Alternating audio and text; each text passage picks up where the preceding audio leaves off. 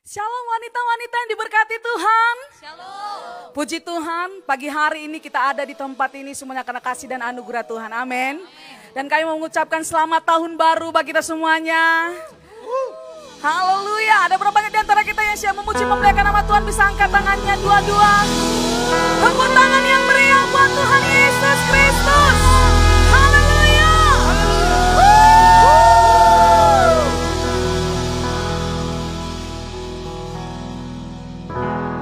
Na na na na na na na na na na na na na na na na Na na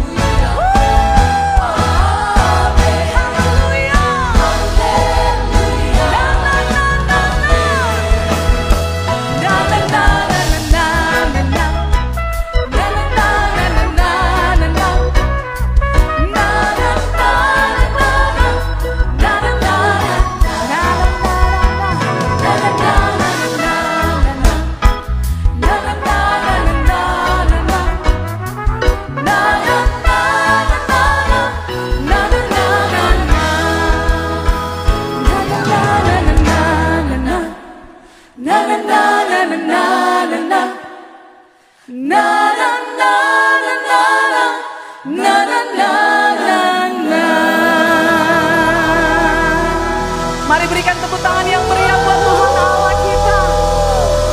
Haleluya, haleluya. Kami bersorak-sorai memuji memuliakan namamu Yesus Tuhan. Sebab engkau layak dipuji, engkau layak disembah.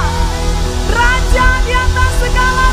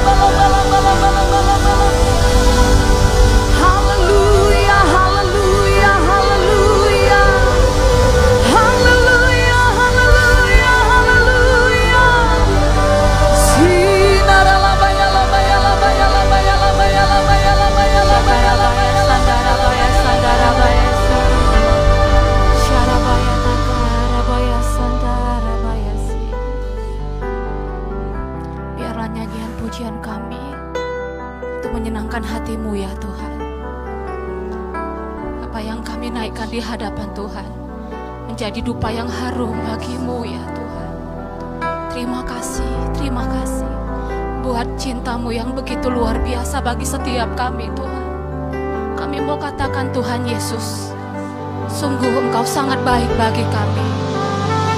Mana ada Allah yang sepertimu Tuhan. Tiada Allah yang sepertimu Yesus. Syaratakan raba raba raba raba raba yes. Ikaratakan raba yes sanda raba yes. Kami bersyukur Tuhan, kami bersyukur untuk sepanjang tahun 2020 yang boleh kami lewati Tuhan. Untuk suka dan duka yang boleh Tuhan izinkan kami alami. Kami angkat tangan kami. Kami mau katakan terima kasih Tuhan. Terima kasih, terima kasih Bapak yang baik. Ikana rabaya seke raba raba raba raba raba. Kalau hari ini Tuhan kami boleh memuji menyembah Tuhan. Kami Tuhan berikan kesempatan berkumpul beribadah. Kami tahu Tuhan itu semua karena kemurahan Tuhan semata-mata ya Tuhan. Bukan karena kuat dan gagah kami Tuhan. Bukan karena kehebatan kami ya Tuhan. Tapi kami percaya semua anugerahmu yang berlimpah-limpah bagi kami. Mana ada Allah yang sepertimu Tuhan. Kau Bapa yang baik. Kau sahabat sejati bagi kami. Kau yang mengerti segala apa yang kami pikirkan ya Tuhan. Kami bersyukur. Kami bersyukur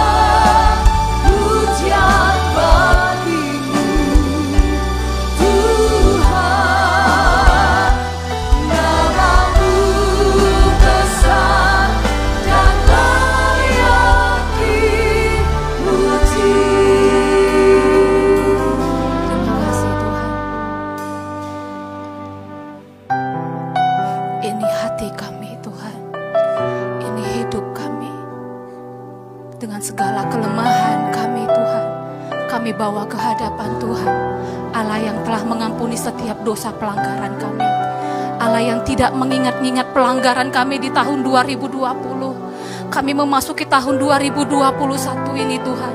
Dengan hati yang siap untuk menyambut berkat-berkat yang Tuhan telah sediakan di sepanjang tahun ini untuk setiap berkat-Mu Tuhan, untuk setiap penyertaan dan perlindungan-Mu Tuhan.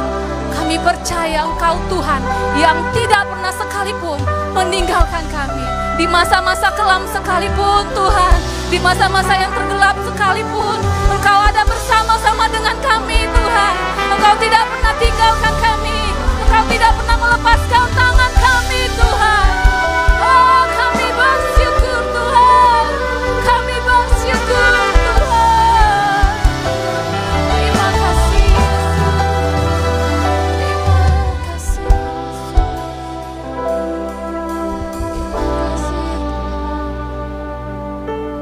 Lihatlah hati kami yang selalu rindu untuk menyenangkan hatimu Tuhan. Kuduskan kami. Layakkan kami Tuhan. Hambamu akan menyampaikan isi hatimu. Hambamu ini adalah bejana yang kosong Tuhan. Penuhi dan urapi dengan pengurapan daripada Tuhan. Agar perkataan yang hamba sampaikan itu boleh memulihkan, menguatkan, memberkati banyak wanita-wanita, bahkan siapa pun yang menyaksikan, mengikuti ibadah WBI hari ini Tuhan. Kami bersyukur Tuhan. We love you Lord. We love you. I love you Lord. I love you Lord. Terima kasih. Ini doa kami. Dalam nama Tuhan Yesus. Bersama-sama yang diberkati kita katakan. Amin. Haleluya. Shalom Bapak Ibu, secara khusus wanita-wanita Betel Indonesia yang luar biasa. Selamat tahun baru, tahun 2021. Kita percaya tahun 2021 walaupun begitu banyak ketidakpastian yang akan kita hadapi. Banyak sekali cerita, banyak sekali yang kita dengar. Hal-hal yang mengerikan Bahkan di tahun 2020 kita sudah melewatinya. Kita percaya tahun 2021 pun kita akan melewatinya dengan kemenangan yang gilang gemilang. Ada amin? Haleluya. Izinkan saya hari ini menyampaikan sharing firman. Tema kita di bulan Januari ini adalah hidup dalam kebenaran. Dan hidup di dalam kebenaran itu akan membuat kita memiliki hati yang tenang Tema yang saya ambil adalah hati yang tenang. Dari Filipi 4 ayat 2 sampai dengan yang ke-9. Kita tahu ya, hari-hari ini banyak sekali cerita-cerita yang membuat kita bahkan mungkin tidak bisa tidur dengan nyenyak. Bahkan mungkin hal-hal yang lain, kesulitan ekonomi, uh, atau kesulitan dalam dunia kesehatan, apa pun itu membuat kita kadang-kadang tidak bisa damai sejahtera menjalani hari-hari kita. Nah, Bapak Ibu, Saudara, wanita-wanita Allah yang luar biasa, tahukah Bapak Ibu bahwasanya hati yang tenang itu itu itu dimulai dari pikiran kita.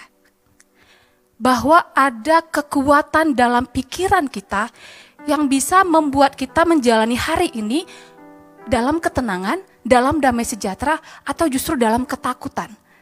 Dalam ke kegalauan seperti itu ya, suka galau. Apa yang kita pikirkan itu berpengaruh kepada apa yang kita akan hadapi di hari-hari ke depan. Amsal 15 ayat 15 berkata seperti ini.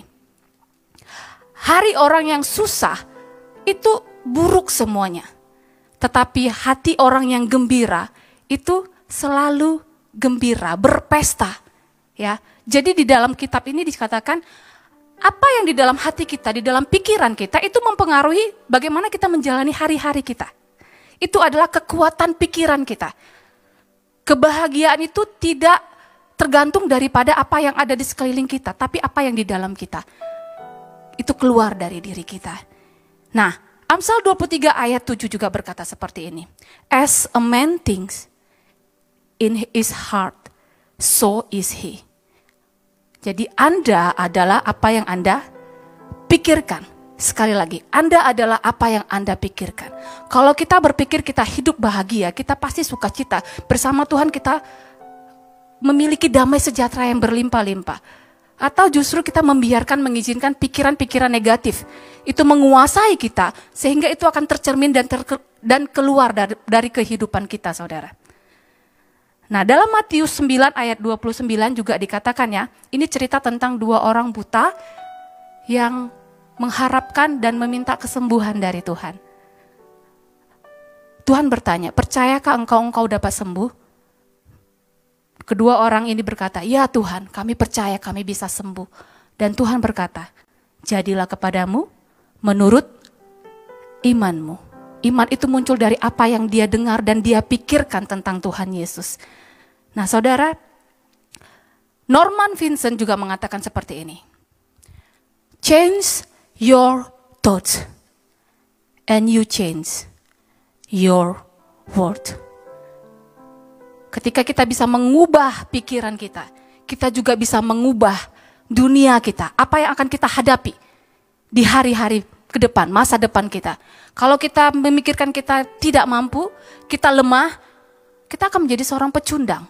Tapi kalau kita memasuki pikiran dengan firman Tuhan, engkau lebih dari pemenang. Bersama Tuhan di dalam kelemahanmu, engkau mampu melewatinya. Sebab cukuplah kasih karuniaku kata Tuhan. Maka engkau akan dimampukan. Nah, apa yang kita pikirkan itu pilihan buat kita. Jadi hati-hati dengan apa yang kita pikirkan di dalam diri kita ya, di dalam hati kita. Nah, pertanyaannya adalah hari-hari ini pikiran apakah yang menguasai hati kita? Coba kita renungkan. Hal apakah yang kita pikirkan? Saya bagi atas tiga ya, itu ada pikiran dan perasaan Kristus. Firman Tuhan berkata, hendaklah pikiran dan perasaanmu itu tunduk kepada pikiran dan perasaan Kristus. Yang kedua, atau kita memikirkan pikiran dari diri kita sendiri. Dengan pengetahuan kita, dengan hikmat kita, dengan skill kita, dengan filosofi mungkin yang kita miliki dari dunia ini kita mikirkan segala sesuatu dengan persepsinya kita sendiri. Amsal berkata, orang akan e, jalannya di, dia kira lurus, ternyata menuju maut. Karena dia mengandalkan pikirannya sendiri, saudara, bukan pikiran Kristus. Atau yang ketiga, pikiran dari si jahat.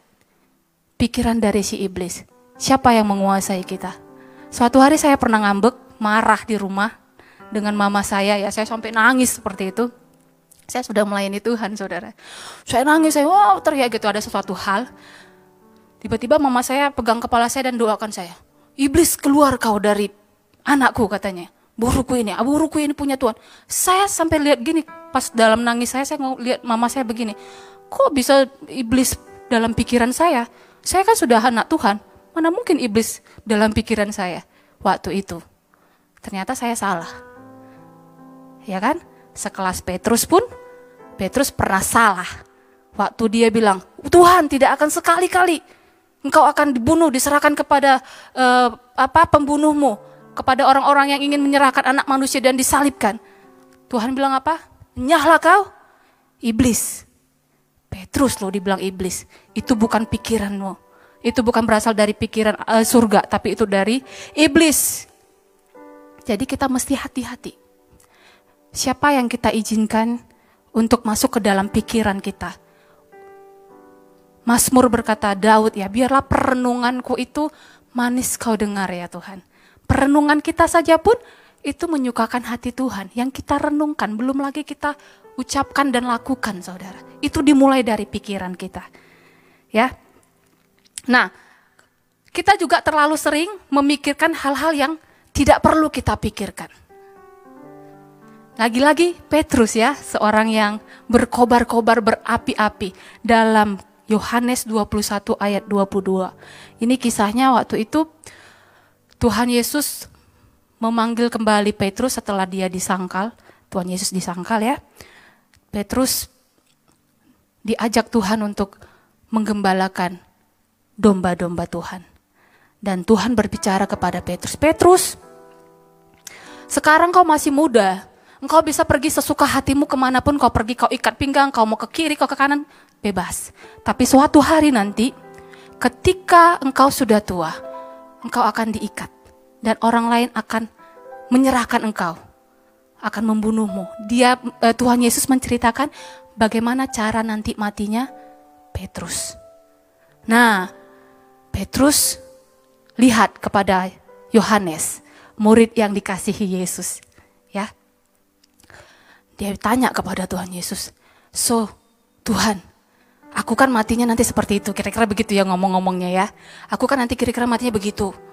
Nah kalau untuk anakmu yang satu itu murid yang kau kasih itu gimana matinya Tuhan? Tuh, saudara tahu apa yang Tuhan sampaikan kepada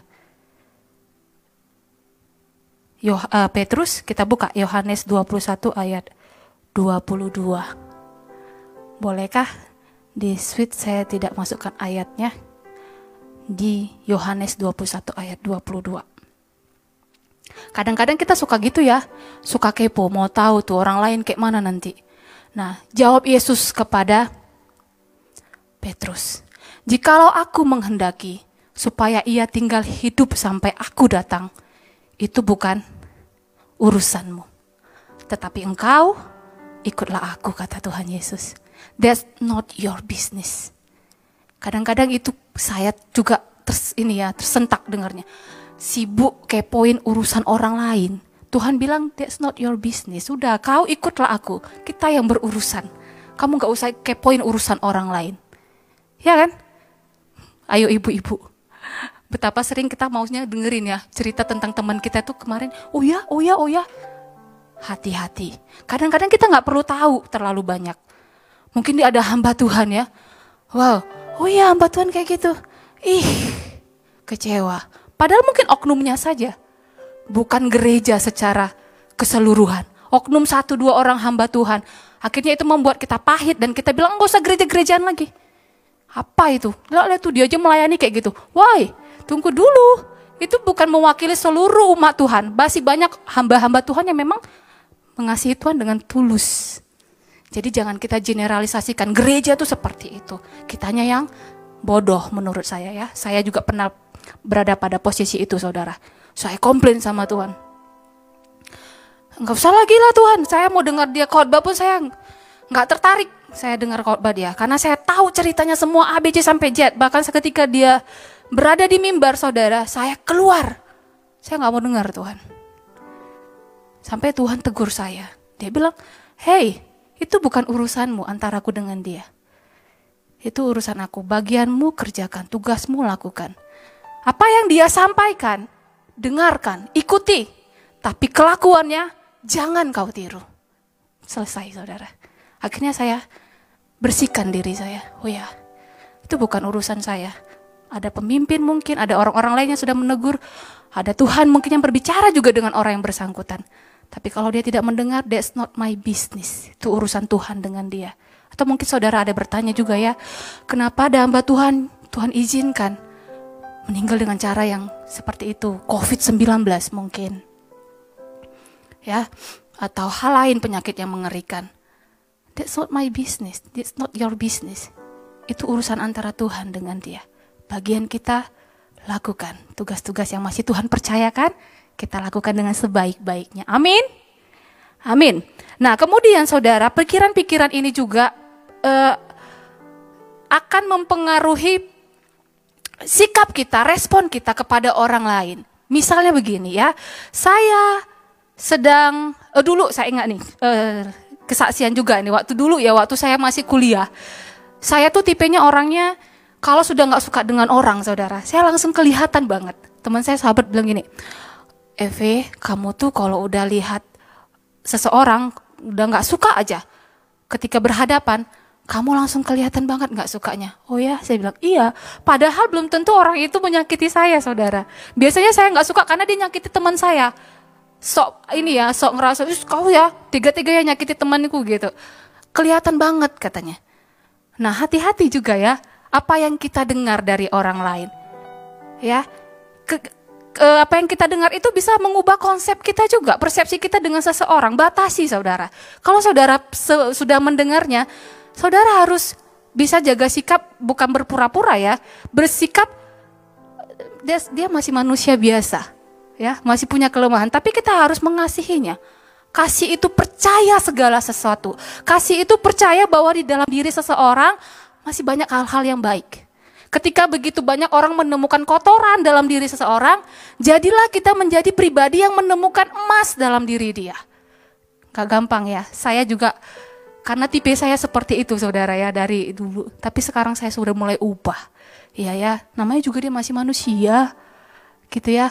Pasti ada hal baik kok dalam diri dia. Itu adalah kasih, percaya segala sesuatu. Kita lanjut ya. Nah,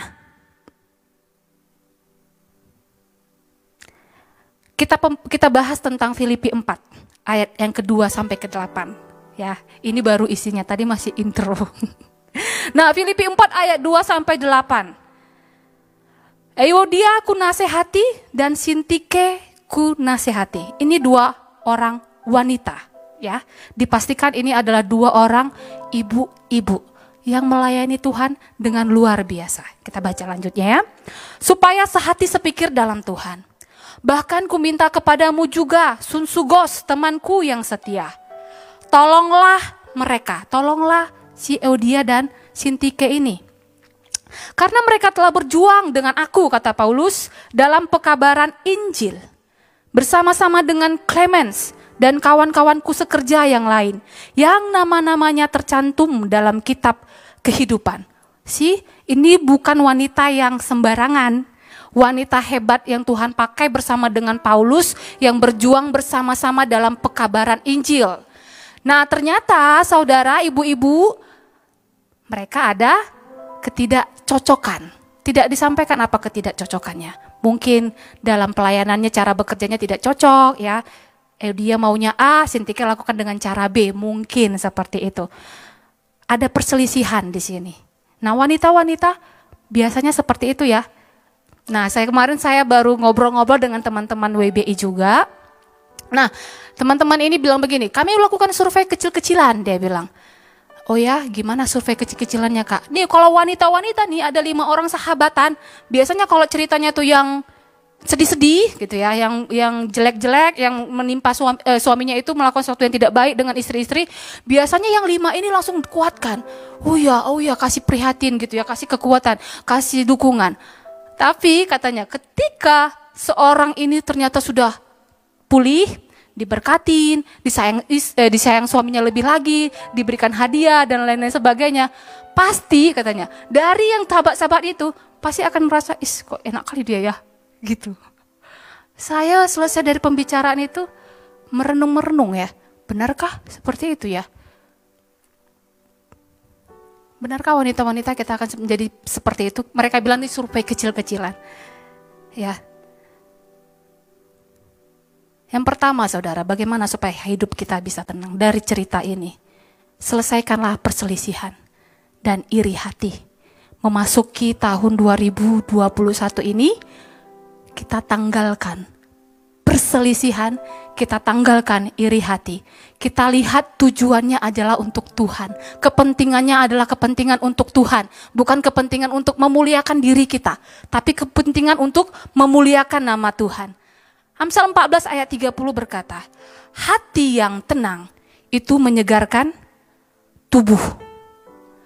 Tetapi iri hati membusukkan tulang. Nah, kata-kata iri hati di sini membusukkan tulang itu sangat tajam sekali. Saudara bisa lihat kalau kita mm, apa melihat proses kematian dari se, se, apa jenazah ya, sosok jenazah. Nah, tulang itu adalah bagian yang sangat sulit sekali untuk bisa busuk. Benar ya? Dagingnya bisa busuk, tapi tulang tidak bisa. Tetapi Amsal berkata, iri hati itu membusukkan tulang. Wow, hati-hati dengan apa yang kita pikirkan, hati-hati dengan apa yang ada di hati kita. Selesaikan perselisihan, karena itu tidak membangun buat kehidupan kita ya. Kita ingat ada kisah Saul, ya, waktu Saul dan Daud itu mereka baru pulang berperang. Nah, Daud, uh, Saul tidak menjaga hatinya, saudara.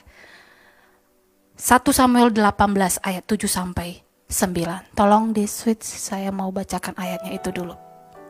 Amsal 1 Samuel 18 ayat 7 sampai ke 9. Saul tidak menjaga hatinya dimulai dari iri hati. 1 Samuel 18 ayat 7 sampai 9. Ketika Daud pulang ya, perempuan-perempuan yang ada di Israel tuh muji-muji Daud dengan luar biasa. Dan perempuan yang menari-nari itu menyanyi berbalas-balasan katanya. Saul mengalahkan beribu-ribu musuh, tetapi Daud berlaksa-laksa. Selanjutnya, lalu bangkitlah amarah Saul dengan sangat dan perkataan itu menyebalkan hatinya sebab pikirnya kepada Daud diperhitungkan mereka berlaksa-laksa, tetapi kepadaku diperhitungkannya beribu-ribu. Akhir-akhirnya jabatan raja itu pun jatuh kepadanya. Kita tahu ya, Nah, sejak hari itu maka Saul mendengki Daud, iri hati. Penyakit ini sangat menggerogoti kehidupan kita. Hati-hati. Para wanita hati-hati. Ya, kita tahu ceritanya. Akhirnya uh, Saul berkali-kali berusaha untuk membunuh Daud yang tidak punya salah dan dosa. Dan tragis, hanya dari iri hati yang tidak dia selesaikan perselisihan yang dia tidak selesaikan dan tidak bereskan hatinya. Saul mati dengan cara yang sangat memalukan, bunuh diri. Dan kita tahu kalau orang bunuh diri itu ke mana akhiratnya. Saudara, ini bukan penyakit yang biasa. Iri hati itu harus kita selesaikan. Jangan bawa di tahun 2021 ini. Ya, jadi jangan ada iri hati. Roma 12 ayat 15 berkata begini. Bersukacitalah dengan orang yang bersuka cita dan menangislah dengan orang yang menangis. Nah, untuk survei kecil-kecilan itu saya teringat ayat ini. Untuk teman-teman kita, Mungkin ada wanita-wanita lain yang dipakai Tuhan luar biasa, pekerjaannya diberkati, mereka diberkati dengan keluarga, bersuka cita bersama dengan mereka. Mereka mengalami suatu masalah, sahabat kita, teman kita, menangis bersama-sama dengan mereka. Buang jauh pikiran, kenapa dia yang diberkati aku tidak? Tunggu saja waktunya. Tuhan tahu kapan waktu yang terbaik untuk memberkati kita. Amin. Yang penting hati kita bersih, hati kita tulus. Selanjutnya, kita baca ya di ayat yang ke empat tadi, Filipi 4 ayat yang keempat. Bersukacitalah senantiasa dalam Tuhan. Sekali lagi kukatakan, bersukacitalah. Hendaklah kebaikan hatimu diketahui semua orang, Tuhan sudah dekat. Poin yang kedua, tadi adalah perselisihan itu harus diselesaikan, iri hati, iri hati itu harus dibuang jauh. Yang kedua adalah bersuka citalah senantiasa. Filipi 4 ayat yang keempat. Sukacita itu sukacita yang keluar dari Roh Kudus yang tinggal di dalam kita, bukan tergantung dari keadaan di luar kita. Hati yang gembira adalah obat yang manjur. Hati yang gembira menyegarkan tubuh. Hati yang tenang menyegarkan tubuh. Setiap kita hari-hari ini pasti ingin tubuhnya sehat. Mulailah bersuka cita. Bukan tergantung dengan kondisi kita. Tapi bersuka citalah oleh roh kudus kata Tuhan. Keadaan apa pun boleh terjadi sekeliling kita. Tapi untuk bersuka cita, itu keputusan kita saudara. Kita mau tetap bersuka cita. Atau kita menangisi keadaan kita. Joel Austin dalam bukunya berkata seperti ini. Jangan biarkan kejadian lima menit yang mengesalkan kita, membuat menit-menit yang akan datang masih panjang nih harinya, itu juga menjadi kacau. Hanya karena lima menit kejadian, kita mungkin berah, eh, marah ya, berantam mungkin ya, emosi. Mungkin waktu pas mau ke kantor disalip sama supir angkot. Akhirnya di kantor kita ugal-ugalan. Tuh, Jangan biarkan itu. Ya. Tapi biarlah hati kita yang putuskan bersuka citalah. Jangan biarkan keadaan yang membuat kita tidak bisa bersuka cita. Yang ketiga, saudara, dengan cepat ya. Filipi 4 ayat 5 tadi, hendaklah kebaikanmu diketahui oleh orang. Lakukan kebaikan dengan ikhlas. Lakukan kebaikan dengan ikhlas itu nggak gampang. Kita lakukan kebaikan dengan orang yang baik, wah, mudah ya. Mungkin kita pikir nanti kalau kita baik sama dia, ya paling enggak kita disetraktifnya makan atau apa ya, kita dia bisa balas kebaikan kita. Saya belajar hari-hari ini Tuhan ingatkan saya, kamu lakukan kebaikan ikhlas. Jangan pamrih, jangan pernah mengharap orang itu akan membalas kebaikan kita. Karena engkau akan dikecewakan. Istilahnya itu air susu dibalas dengan air tua. air tuba kalau air tua masih enak ya. Air susu dibalas dengan air tuba itu pahit banget saudara. Kita udah lakukan yang baik buat orang, kita perhatikan dia. Akhirnya dia ngecewakan kita. Dan itu membuat kita jadi pahit hati. Jadi di dalam Roma 12 ayat 6 sampai 8 saya baca ayat yang ke-8 saja. Ini juga merupakan suatu karunia, saudara. Potensi itu nggak harus yang pintar, pintar khotbah, kita nggak harus pintar nyanyi, pintar uh, jadi worship leader, pemain musik kita luar biasa. Karunia-karunia ini pun Tuhan ajarkan buat kita, para wanita-wanita Tuhan yang hebat. Dikatakan di sini ya, jika kamu memiliki karunia untuk menasihati, baiklah kita menasihati. Siapa yang membagi-bagikan sesuatu, hendaklah ia melakukannya dengan hati yang ikhlas bagi-bagikan sesuatu itu ikhlas. Siapa yang memberi pimpinan, hendaklah ia melakukannya dengan rajin. Jangan langsung kasih pimpinan, langsung marah nih anaknya apa ya jugul seperti itu. Tapi rajin lakukan pimpinan. Ini dia ayatnya juga ya. Siapa yang menunjukkan kemurahan, hendaklah ia melakukannya dengan sukacita, saudara. Lakukan kemurahanmu itu dengan sukacita. Bukan lakukan kemurahan tapi sambil sungut-sungut aduh keluar lagi duitnya, aduh capek lagi nih. Ya, jangan ya. Tuhan mau laku kita lakukan itu dengan sukacita. Itu adalah karunia. Betapa sering kalau kita melakukan kebaikan, membagi-bagi sesuatu karena kita pengen dihargai orang, pengen dilihat orang, akhirnya kita kecewa. Tuhan berkata pembalasan itu miliknya Tuhan. Kalau orang nyakiti, or, nyakiti kita, orang yang kita baiki nyakiti kita, Tuhan bilang pembalasan itu miliknya Tuhan. Tapi alangkah lebih indahnya engkau memberkati orang yang menyakiti hatimu, sekalipun engkau sudah memberikan yang terbaik buat dia. Ada amin? Gak gampang, yes, gak gampang. Tapi kita bisa. Kita andalkan roh kudus yang di dalam kita. Tuhan aku mau lakukan firmanmu. Tuhan izinkan aku bisa memberkati dia. Dengan bercucurkan air mata mungkin kita karena sakit yang kita rasakan. Tapi Tuhan mau lakukan kebaikan itu dengan ikhlas. Kau tidak memberikan supaya engkau diberikan kembali. Kemudian yang keempat saudara, jangan kau khawatir. Ayat yang keenam tadi ya. Kita baca dulu. Janganlah hendaknya kamu khawatir tentang apa pun juga. Tetapi nyatakanlah dalam segala hal keinginanmu kepada Allah dalam doa dan permohonan dengan ucapan syukur Damai sejahtera Allah yang melampaui segala akal akan memelihara hati dan pikiranmu dalam Kristus Yesus. Jadi jangan kita khawatir tentang apa pun juga, tapi bawa semuanya dalam doa dan ucapan syukur ya. Supaya apa? Ketika malam hari tiba, kitab Mazmur 4 ayat 8 berkata, Dengan tentram aku mau membaringkan diri lalu segera tidur, sebab hanya engkaulah ya Tuhan yang membiarkan aku diam dengan aman.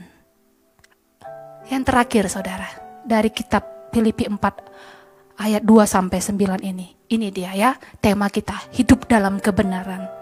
Filipi 4 ayat 8. Jadi akhirnya saudara-saudara, semua yang benar, semua yang mulia, semua yang adil, semua yang suci, semua yang manis, semua yang sedap didengar, semua yang disebut kebajikan dan patut dipuji Pikirkanlah semuanya itu. Kita kontrol pikiran kita. Kita kontrol hidup kita, hati kita. Mari kita angkat tangan kita, topang tangan kita. Katakan kepada diri kita sendiri. Hai Evelyn, sebut nama saudara.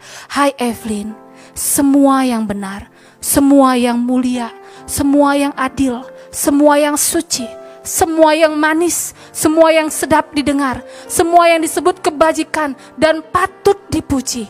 Pikirkanlah semuanya itu, hai Evelyn. Kita buka mata bangun pagi, perkatakan kepada diri kita, supaya pikiran kita tunduk kepada pikiran dan perasaan Kristus.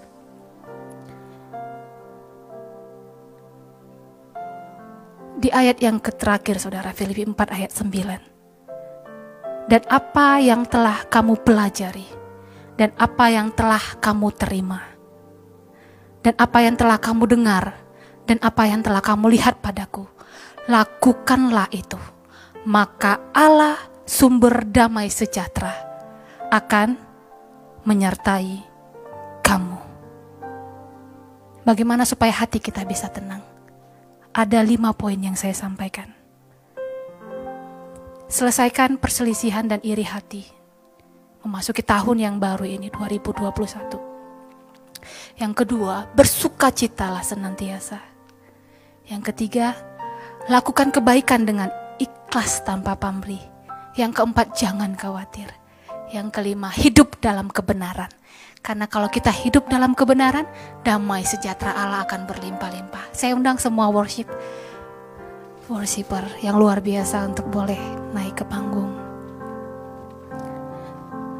Biarlah firman Tuhan hari ini boleh mengubahkan setiap kita. Memasuki tahun 2021, kita lapangkan hati kita untuk kita boleh mendengar suara Tuhan, intim dengan Tuhan lebih lagi, mencintai Dia lebih dari tahun-tahun sebelumnya. Makasih Tuhan Yesus. Kita naikkan pujian. I love you Lord. And I lift my voice